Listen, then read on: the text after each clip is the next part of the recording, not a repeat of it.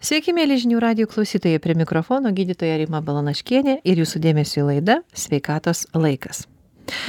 Galbūt šiomis dienomis netaip aktualios temos - grožis ar aukšlės kūno formos, nes gyvename dar žiemos ritmu. Ir visai nesvarbu, kaip mes čia atrodome su daugias sluoksnė apranga, be makiažo, šukuosinos, gal net ir be pedikiūro ir manikiūro o gal kaip tik dabar reikia pažiūrėti į veidrodį ir pamatyti nepatinkančias kūno vietas kaip yra iš tiesų. Apie tai diskutuosime su mūsų studijos svečiu, klinikus Klaipėda įkūrėjų, plastinės rekonstrukcinės chirurgijos gydytojų, medicinos mokslų daktaru Roku Bagdonu. Labadiena, Rokai. Labadiena. Ar teisingai aš tave pristačiau? Tikrai taip nes aš visą laiką kai pristatinėju galvoju ar reikia sakyti plastinės ir rekonstrukcinės chirurgijos ar tai yra plastinės rekonstrukcinės? Plastinės ir ir rekonstrukcinės rekonstrukcinės. taip teisingai. Reiškia vis dėlto žodis ir reikalingas. Taip. Tai galbūt pradėkime nuo pat pradžios ir prisiminkime tavo mokslų ir studijų pabaigą.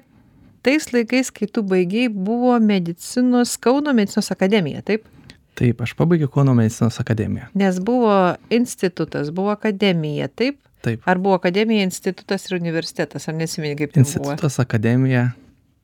Ir paskui jau dabar Tapo tapo universitetu. universitetu. Sakyk prašau ar chirurgo karjerą jau pradėjai nuo pat pradžios būtent plastinės chirurgijos srityje ar buvo kažkokie pereinami periodai? ne tikrai ne.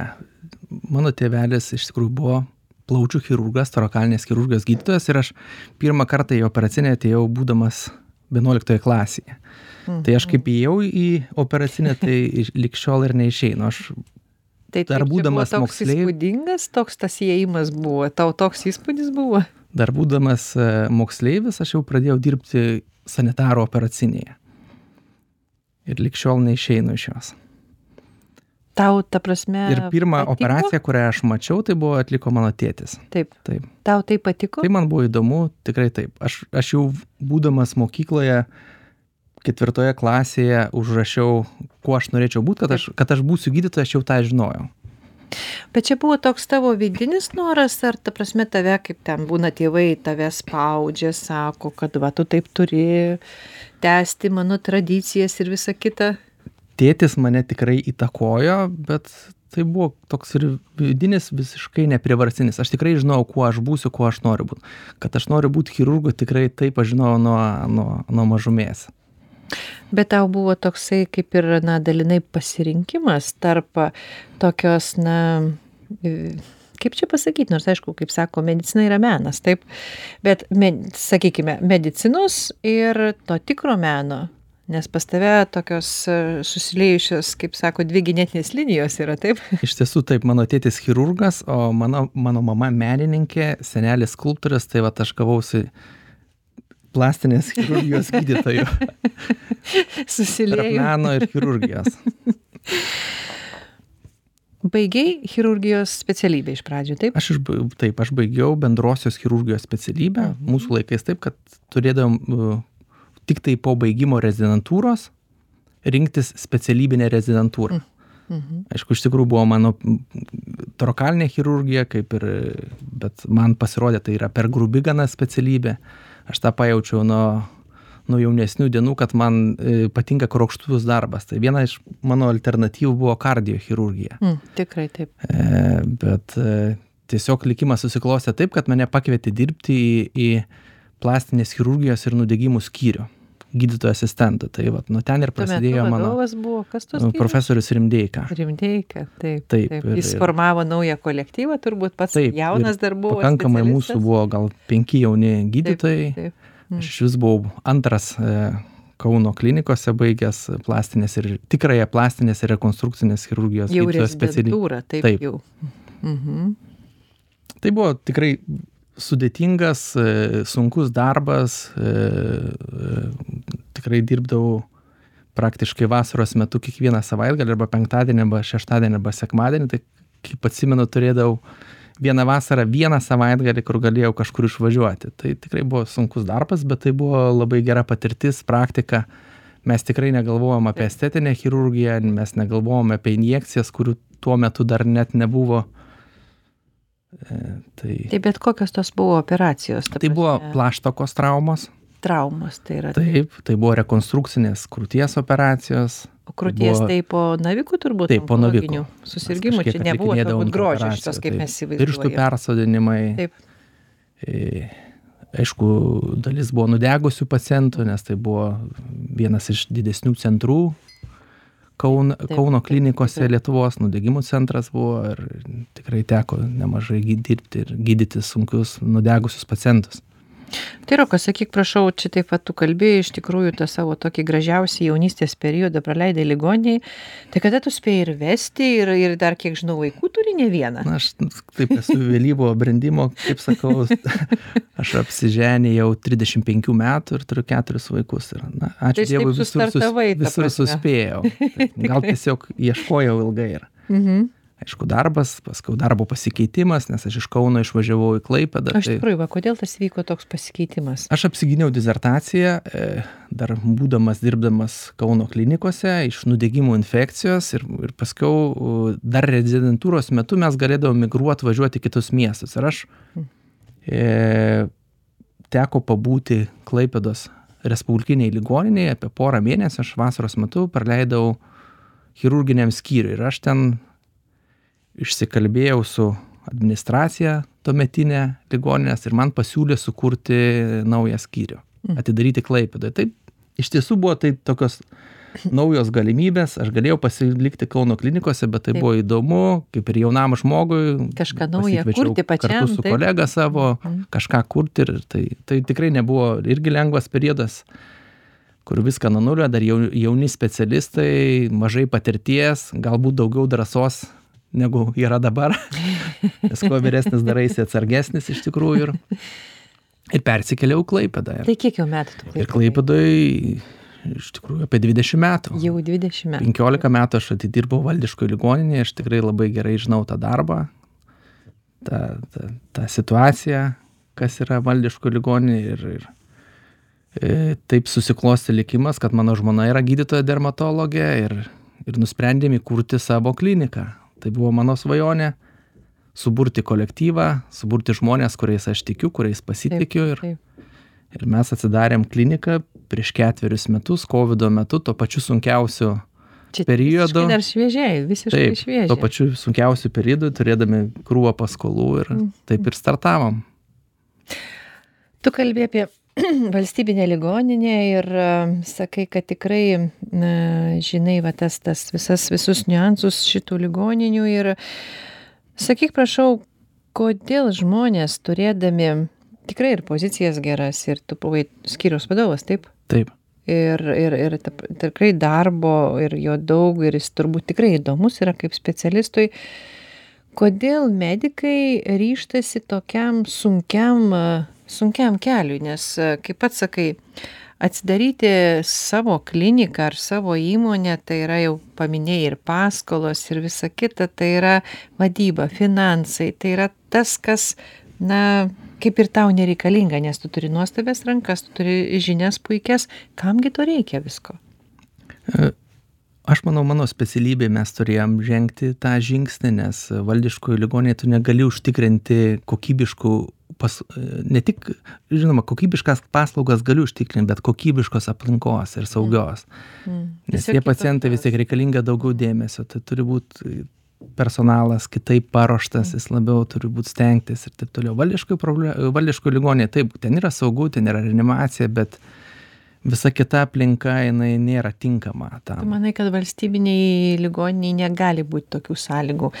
Prasme, Aš tai aišku, kokias va tu nemažai metų atidirbau ir, ir, ir, ir tai buvo pakankamai geros sąlygos e, tuo laikotarpiu, tuo metu, bet e, e, pacientas kuo toliau jis tampa vis reiklesniu ir jam reikia tikrai ir daugiau dėmesio ir tam, kad užtikrinti kokybišką aptarnavimą ir kitą lygmenį. Ne minutės nebuvo, tai... Kada tu gailėtumėsi, kam aš tai pradėjau, būtent su, na, su privačia. Man buvo išeiti pakankamai sunku, saugu, e, nesaugu ir gana baugu iš tikrųjų, todėl kad tai buvo išeini į nežinę, Taip. bet e, ir prisimimas. tiesiog praėjo keletą metų, aš tikrai nekarto nepasigailėjau ir iš, liko gerų kolegų, kuriais, kurie dabar dirba pas mane klinikoje, kuriais daug metų pasitikėjom ir dirbom kartu. Tai. Ir tas kūrybinis procesas man yra įdomus iš tikrųjų. Aš nesu vien tik chirurgas, bet man patinka kurti kažką daryti, tai, tai man yra įdomu. Rokai, sakyk, prašau, kada jau tos tikrosios plastinės, arba kaip reikia sakyti, estetinė plastika, taip, būtent šitos operacijos jau atėjo į tavo praktiką, į tavo gyvenimą? Ir kokia buvo ta pirmoji? Aš būdamas iš tikrųjų studentų dar, aš e, buvau Amerikoje, ten aplankiau keletą klinikų, mano sesuo beje Amerikoje gyvena ir aš mačiau filmą Grožio peilis. Tai va ten -hmm. pirmas toksai, kad taip. Ir paskui praėjo kiek tai metų, kokie penki dešimt ir ta banga atsirito pas mus. Ir iš tikrųjų dabar e, daug rezidentų studijuodami tą specialybę jie renkasi kitą kelią. Aš dar atėjau kitų kelių, mes tikrai niekas negalvom nei apie pinigus, Taip. nei apie tą visą grožį industriją, mhm. kuri dabar atsirado. Tai kokia tavo pirmoji operacija? kur jau tu darei ne iš poreikio, na, ta prasme, kai reikia ten po navikinių operacijų, kaip tu pasakojai, pradžioj rezidentūros, kad darai po nudėgymų ir visa kita, bet jau kada žmogus yra nepatenkintas savimi ir ateina, nori pasikeisti. Aš labai gerai atsimenu savo pirmąją operaciją krūtų padidinimo, tai, tai tą turbūt visi atsiminsim, chirurgai, kurie padeda kaip, kaip vis tiek kaip pats padarai kažko, kažką tai jau, naujo. Tai, tai, tai jau buvo dar. Jau klaipėdoje, taip. Mm ir kaip tas pojūtis vat pačiam jau atlikus pirmą operaciją ar tu buvai patenkintas ar ne nebuvau patenkintas tikrai taip aš kartais net pagalvoju kaip dabar ta pacientė atrodo nes kažkur išvažiavus jinai net ne lietuvoj gyvena tai aš karts nuo karto prisimenu mhm. ir Ar grįžta pacientai ir pacientės, ypatingai turbūt moterų daugiau yra pas tave? E, grįžta, iš tikrųjų, taip. Jeigu kalbant, tikrai yra nemažai pacientų, emigrantų, kurie gyvena visame plačiame pasaulyje, tai tie sugrįžta ir labiausiai turbūt džiugina pacientas, kuris sugrįžta. Kažkokią atlieka operaciją, praeina kiek metų, jisai sugrįžta pas tave, tai tas duoda pasitikėjimo tikrai. Ar tikrai galima sakyti, kad e, kiekviena operacija, ypač e, tai yra estetinės e, operacijos, yra kaip meno kūrinys? Aš manau, kad taip, todėl kad nėra nei vieno vienodo atvejo. Nes kiekvienas pacientas individualus yra skirtinga anatomija netgi skirtingas gijimas žmogaus ir tai tikrai taip. Ar e, tu jau modeliuoji plan ak apskritai turbūt tavo ar modeliavimas turbūt vyksta kaip ten žmonės sako kompiuteriu taip. Ar tu pats modeliuoji žiūri į žmogų ir ta prasme sakykim jo veidą ar ar kūną ir jau dėliojasi kur ir taip ir taip. Iš tikrųjų labai svarbu ar dabar jau yra technologijos pažengusios yra technologijos bet jos niekada nepakeis. Tų proporcijų vis tiek žmogaus faktorius yra paskutinis yra. Netgi atliekam ir vizualizacijas ten tarkim nosies veido vokų tu viską gali daryt. Bet yra net prierašas parašyta kad tikrai negalima garantuoti tokio pačio rezultato netgi ir reklamose dabar uždrausta dėti e, ir turi parašyt kad tai yra reklama nes niekad negali garantuot to pačio rezultato. Jeigu vienai pacientei bus tokia krūtinė įdėjus tuos pačius implantus kitai draugei bus visiškai kita. Mhm. tikrai taip. žinoti kaip chirurgui e, žinoti koks bus tas rezultatas. Todėl kad turi vertinti visumą turi vertint anatomiją sudėjimą ūgį svorį matmenis ir taip toliau ir ir be abejo atsižvelgti į paciento norus bet e, aš dažniausiai pas mane pacientai ateina tai kad aš rekomenduoju ką daryti. Taip. Anksčiau būdavo prieš daug metų tai nu pacientės pačios vat aš noriu to to kažkaip yra gal neturiu pasitikėjimo. Daugiau dabar aš stengiuosi pats valdyt situaciją. Mhm. aš aišku atsižvelgiu bet e, bet turi turi įtakoti ir padėti nes tik aš galiu suprasti kaip yra kaip gali būti kas tinka kas netinka kaip reikėtų tą daryt. Ar dažnai būna kad e, moterys o gal net ir vyrai atsineša kažkokio tai žinomo žmogaus nuotrauką ir sako aš noriu būt toks kaip tikrai taip tikrai taip. Ir nosies opera e, nosies nuotraukų esu matęs ir krūtinės ir taip toliau. Tai nu žinot negali niekada garantuoti to pačio rezultato ir aš taip stengiuosi kad tas nuotraukas padėtų pacientai į šalį Tai gal išduosite paslapti, kas čia Lietuvoje yra tas toks, na, e, sakykime, na, siekiamybė, tas žmogus, vyras ar moteris, į kurį nori lygiuotis kiti žmonės ir atsineša būtent to žmogaus nuotrauką pas tave. Žinau, kad net net nesu. Tai Gal kažkoks būna užsienio, užsienio žvaigždės. Ar Lietuvos nėra? Lietu, Lietuvos nuotraukų dėja tikrai niekad man net nešė, Nėra. nemačiau. Tai aš tai Mm. dažniausiai taip, tai yra žymiau. nėra. Taip.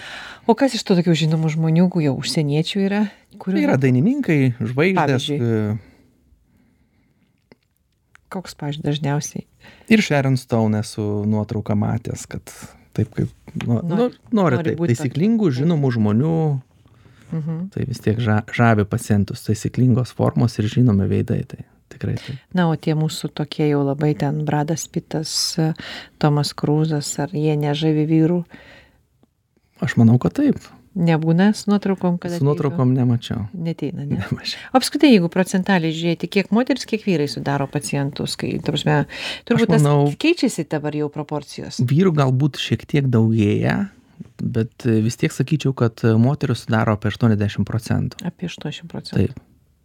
Moteris pačios ateina savo iniciatyvą, ar jas, na, atsiveda vyrai, kad aš noriu tokios moters ir taip. Dažniausiai ateina pačios moteris, bet turėjau keletą atvejų, kada atveda vyrai ir sako, nu, va, tikrai norėčiau, kad, kad, kad pasikeistum, kad atjaunėtum, kad veidas būtų. Tai pagarba tokiem vyram, nes e, e, jie skatina, bet yra nemažai vyrų, kurie net prieš plastinės operacijas ir aš turėjau tokių atvejų, kad tikrai slepia nuo vyro ir, Mhm. ir nenori, kad sužinotų, vyrai yra prieš. Ir, Ar dažnai Ir būna tokių tokių intriguojančių atvejų, kada vyrai atveda savo draugės, meilužės, kad jos būtų gražios, finansuoja operacijas.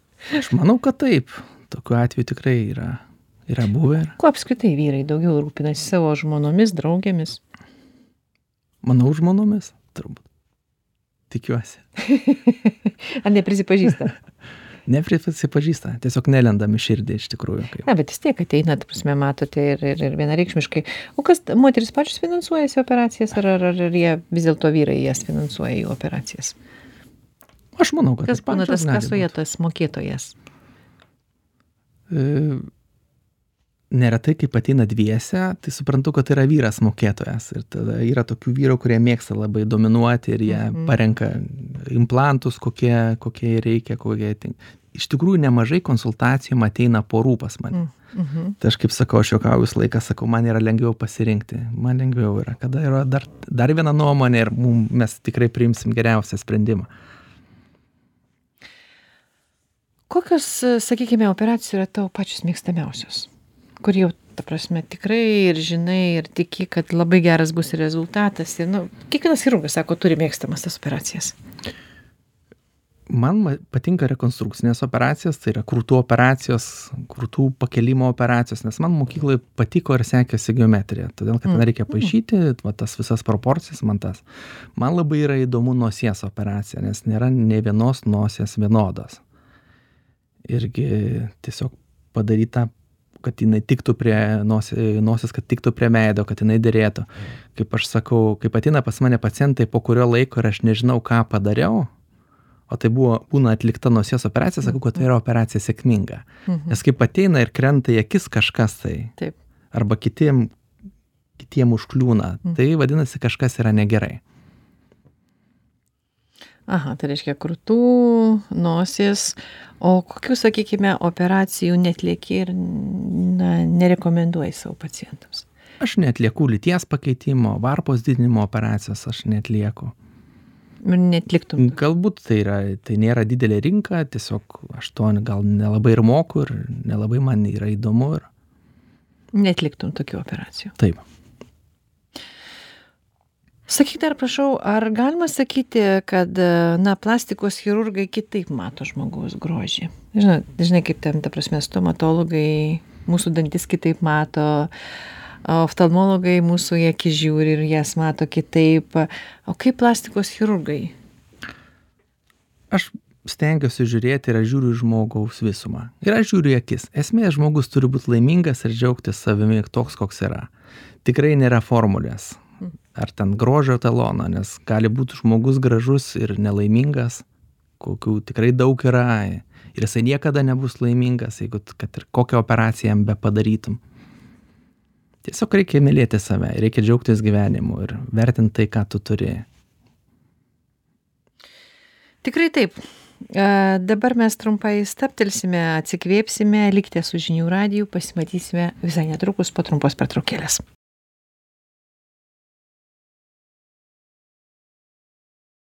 Grįžtame į studiją tęsiame laidą ir kartu su mūsų studijos svečiu klinikos klaipėda įkūrėju plastinės ir rekonstrukcinės chirurgijos gydytoju medicinos mokslų daktaru roku bagdonu diskutuojame apie laimingus bei nelaimingus žmones ir plastinę chirurgiją rokai mes pirmąją laidos dalį baigėme e, tokiomis operacijomis e, kurių tu nenorėtum atlikti ir kurių neatlikinėji. E, tai yra lyties keitimo operacijos sakyk prašau o ta tokia na kaip pavadinkime teisinė sistema ar lietuvoj jinai jau sutvarkyta yra ar ta prasme tikrai chirurgas operuodamas yra ramus ar reikalingi kažkokie tenai parašai įsipareigojimai artimųjų tėvų ir taip toliau. Ar šita sistema yra sutvarkyta Aš manau, kad iš dalies ta sistema yra sutvarkyta, nes aš turėjau vieną, vieną įstatyminę pacientą, taip, kuriam buvo merginai, kuriai buvo pakeistas pasas į į vyriškos lyties. Ta prasme, iš mergaitės berniukų. Iš, prasme, taip, taip, iš mergaitės berniukų. Kokio amžiaus tai buvo žmogus?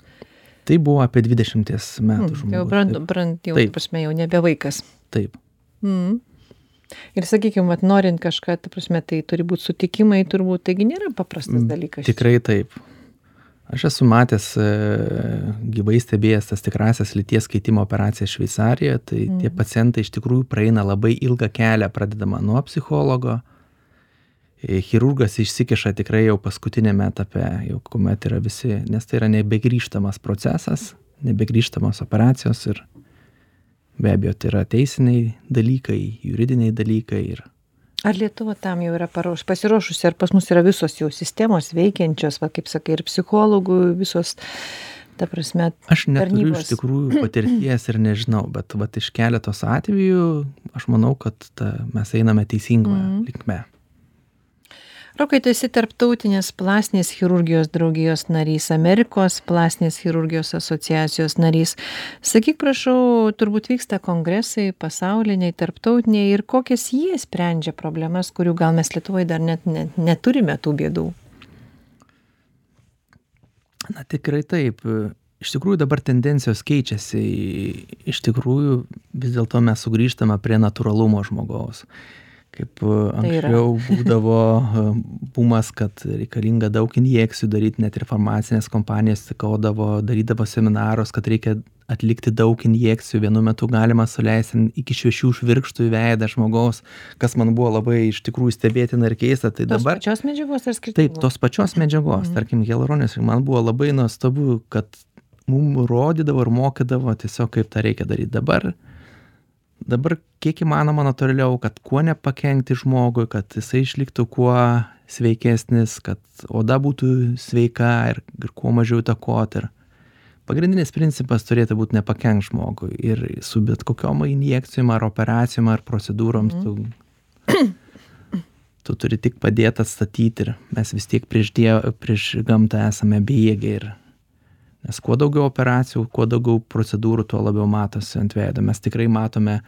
eilę nesėkmingų pavyzdžių kurie tampa ar tai plastinės chirurgijos aukos ar kažkokių tai injekcijų aukos tai Nes e, dėl ko, dėl ko aš ir klausiu, ta prasme, kad mes tikrai Lietuvoje turbūt kiek mes metų, sakykime, dešimt ar kiek esame vėliau su šitom operacijom. Taip kiek taip maždaug jūs kaip nu, aš sakyčiau galbūt dešimt metų yra bet mhm. dabar dabar jau to to nėra tokios tokio metų skirtumo kas buvo prieš prieš prieš dvidešim metų. Dabar mes tikrai ren einam koja kojon tai kas yra pasaulyje kas vyksta.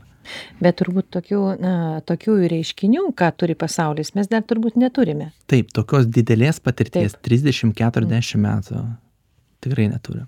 Ir ką jie turi to ko mes neturime va jau iš tų na pasakyčiau gal ne ne komplikacijų pasekmių dar kažko. Ką jau mes galim pasimokyti? Jūs chirurgai galite pasimokyti iš to. Tai tai ką aš ir minėjau tai yra kaip sako pirma operacija yra pirmas šansas yra pats geriausias šansas kad geriau jeigu tarkim operuoji nosį tai geriau pasiekt rezultatą iš pirmo karto nes mes susiduriam su randėjimu su neprognozuojamu gijimu ir taip toliau. Tai kalbama tiek, taip pat tiek apie chirurgiją, tiek, tiek pat apie tas injekcijas. galbūt yra tokių operacijų kurių na lietuvoj net negalvojam dar daryti bet pasaulis jau daro ar nėra jau tokios srities lietuvoje ko mes nedarytume taip vis tiek pasaulines madas turbūt ir chirurgija diktuoja amerika japonija kur atliekamos veido veido persodinimo operacijos. Ta prasme veido persodinimo. Veido persodinimo operacijos yra kad žmogus kuris patyręs traumą jau yra amerikoj keletą atvejų atliktų operacijų kur visiškai donoro donorinį veidą persodina kur operacija atliekama keletą komandų kur trunka apie keliolika valandų. Bet veidas toliau. su dirbtinu veidu yra žmonių per persodintas iš lavono veidas kitam žmogui kuris patyręs traumą. Taip ne veidą veidą su raumenim su nervais ir taip toliau kur mm. Nes yra atvejų kur kur žmogus ten savižudis bandė nusižudyti ir ten yra daugybiniai sužalojimai minkštųjų audinių kaulų defektai ir taip toliau kur ten nėra nosies kur tą gali pastatyt tai tos operacijos lietuvoj aš manau bus negreit atliekamos nes turi reikalinga be galo didelė patirtis ir ir ne vienas chirurgas tai daro ir visas komanda mikrochirurgų atlieka tas Tai jau čia operacijas. principė kaip rekonstrukcija. Taip, tai yra rekonstrukcinė operacija. Tai, Tai be galo įdomi, jau be galo įdomi, sudėtinga, įdomi chirurgija yra. Bet tai žmogus, tai jis gaunasi su kokiu veidu. Jis jau nebe savo, nebeturi veido, bet jo veidas ir netoks kaip to donoro. Taip. Toks Jis, jis tarpinis yra gaunasi. daugiau kaip to donoro. Kaip tikrųjų. donoro daugiau, Tiesiog taip. žmogus praranda savo tapatybę, jis jau turi kitą veidą. Mes visi labai suprantam, kaip gali būti kito žmogaus inkstas, Taip, taip, širdis, taip, taip. persodinimai ir taip toliau. Bet veidas taip, tai yra tapa, tapatumas žmogaus pasikeičia. Bet taip ir vadinasi veido transplantacijos operacijos. Ir jų at, yra atliktų ir sėkmingų. Ir Nieko savo. Įdomu. Tai norėjau paklausti, ką galima pasimokyti iš kolegų užsienyje. Tai būtent, kaip pats supratau, tokios operacijos, tai yra veido transplantacijos, kas dar galima. žinot, Lietuva yra maža šalis ir maža rinka. Ir tarkim, Amerikoje chirurgai specializuojasi, jie gali specializuotis nosies operacijoje, vien tik tai ir atlikinėti vien tik tai nosies operacijas. Tai yra e, rinka labai sąlygoja tą specializaciją, labai didina. Tai taip, mes plastikos chirurgai iš tikrųjų Lietuvoje atliekam daugelį to operacijų, nes tiesiog nėra tų pacientų, tiesiog galbūt nebūtų. Man patinka plastinė chirurgija vien dėl to, kad tu vieną dieną operuoji vieną operaciją, kitą dieną kitą, nu, tiesiog nėra tos monotonijos, yra įdomu. Neprarandi meilės darbą. Tikrai taip, yra ir ta prasme tas toks daugia profiliškumas gaunasi. Taip. Tavo pasisakymuose tu dažnai kalbi, kad e, e, plastinės operacijos suteikia žmonėms pasitikėjimo. Kaip tai suprasti, ką tu turi mintyje ir ką tu matai savo pacientuose? Tikrai taip. E, Tarkim, jauna moteris pagimdžiusi porą vaikų, jos kūnas labai pasikeičia. Ir aš tiesiog esu matęs tikrai ne vieną atvejį, kaip mergina 30 metų, jinai atrodo labai, kūnas netitinka jos, jos, jos amžiaus iš tikrųjų. Nes pokyčiai yra drastiški. Iš tikrųjų, tam moterų po, po neštumo, po, po maitinimo krūtimi, po gimdymo ir, ir jeigu dar atsiranda viršsvoris, tai ir tikrai tos moteris, aš tikrai jas pilnai suprantu, jos gali jaustis nelaimingos.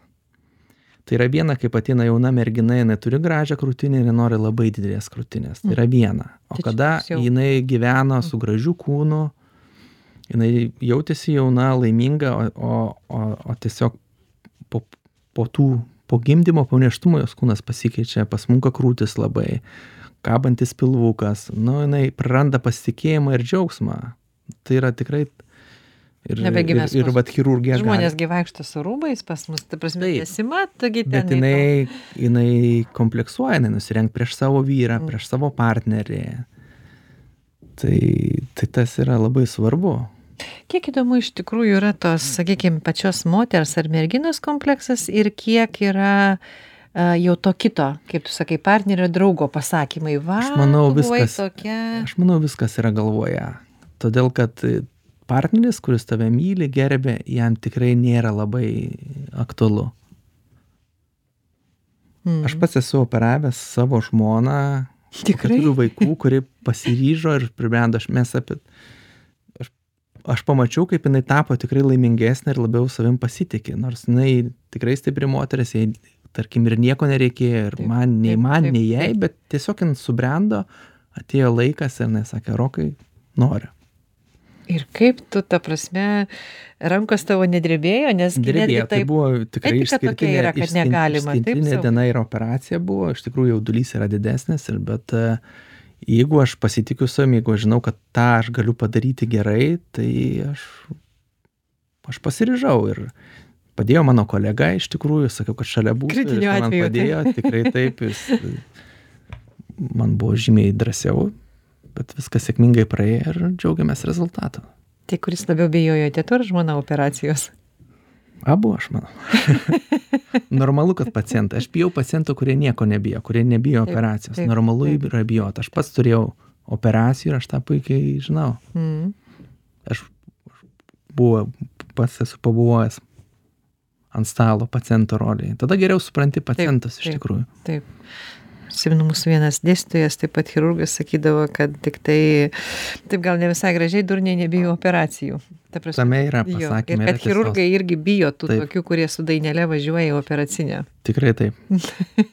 Ir pats kiekviena operacija, tu pradedi operaciją ir nežinai, kaip jin gali baigtis. Nežinai, kas gali Mhm. atsitikti pacientui. Yra vis tiek ta tokia viduje, kartais pasimeldžiu, kad Mhm. viskas gerai pasibaigtų.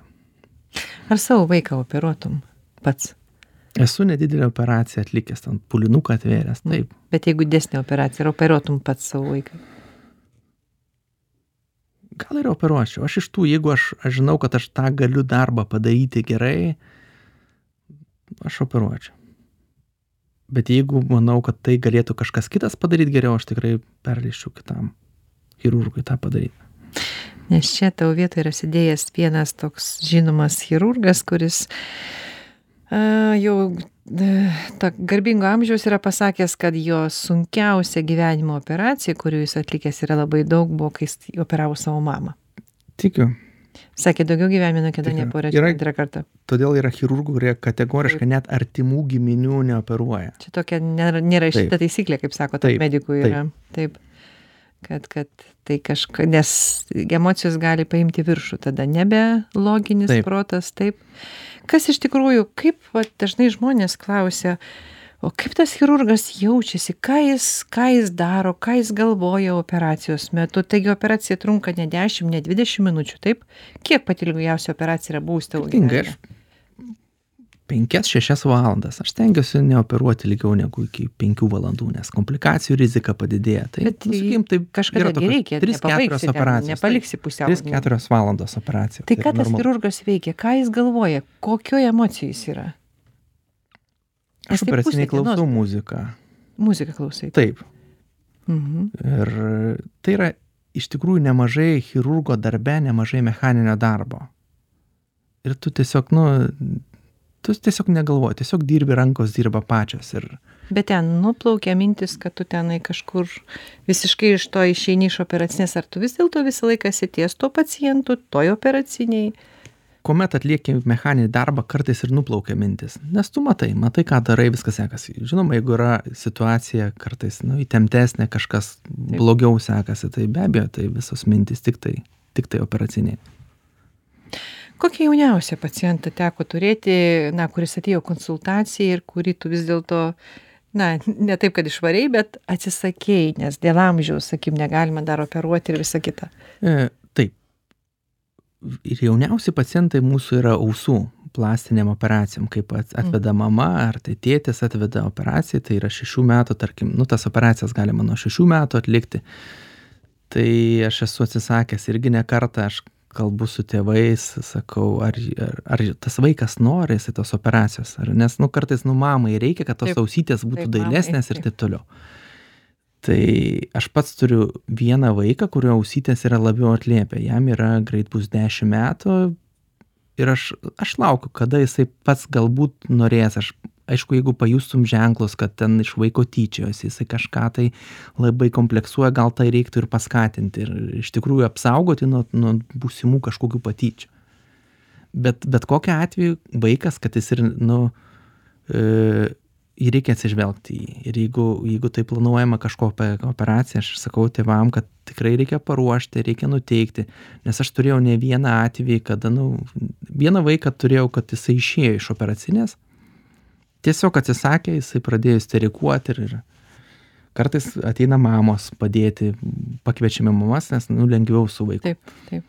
Tai aš manau kad e, vaiką reikia paruošti operacijai ir geriau neskubėt geriau tegu jisai paauga ir taip toliau kada tas sakykime laikas na toks na atlėpusiems ausytėms na operuoti ar nėra septyni septyni aštuoni metai bet labai individualu nuo vaiko mm. o jeigu tau dvidešimt penki Gali? Irgi aš esu, aš esu operavęs ir 40 metų, kur sakė, kad, sakau, kodėl jūs sugalvojate dabar, taip, su, taip. sakė, mane klasėje visi atlėpausi, o dabar klasė susitikimas, padariu, tai va aš visiems parodysiu. Žinokit, visokių, visokių istorijų ir situacijų. Tas pats vaikas, kuris pabėgo nuo operacinio mhm. stalo, jisai pasirodo buvo jau pas kitą daktarę operacijai irgi pabėgo ir aš galvoju, nu aš tikrai operuosiu, aš moku su vaikais bendrauti, kalbėti tai tas vaikas atėjo pas mane po keturių penkių metų mes jį išoperavom su šypsena jis prisiminė tą situaciją kaip išėjo jisai nuo operacinio stalo nulipo. Tai reikia įvertinti reikia įvertinti nėra formulės bet turi įvertinti ir psichologinę būklę vaiko ir netgi mamos kaip jinai reaguoja ir tai tada ir priimi sprendimą ar operuot ar atidėt ir yra vaikų kurie labai drąsūs ir su jais kokį dar gal pamokantį atvejį tu turi savo prisiminimuose tokį na gal gal labai gerą o gal ne visai gerą?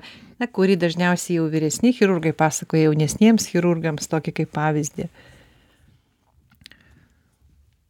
Na kaip vat ko atsisakyt operuot? Tai iš tikrųjų turėjau atvejį irgi kaip ateina mergina dėl nosies operacijos kur jinai yra septyniolikos aštuoniolikos metų kurie ten kompleksuoja dėl savo kuprelės nedidelės ir taip toliau tai kažkaip stengiasi atkalbėt tarkim kartais net ir rodau tikrai sudėtingus atvejus kaip e, po traumų atrodo ir taip toliau nes nu pacientė nu jinai dar yra per jauna ir jinai kompleksuoja dėl tokių smulkmenų iš tikrųjų gyvenime kur tai tikrai stengiuosi atkalbėti ir kad galbūt atidėti ar vėlesniam laikui, kaip subręs, kaip žinos, ko nori ir taip toliau. O kaip yra su nepilnamečiais? Iš tiesų dabar man toks klausimas.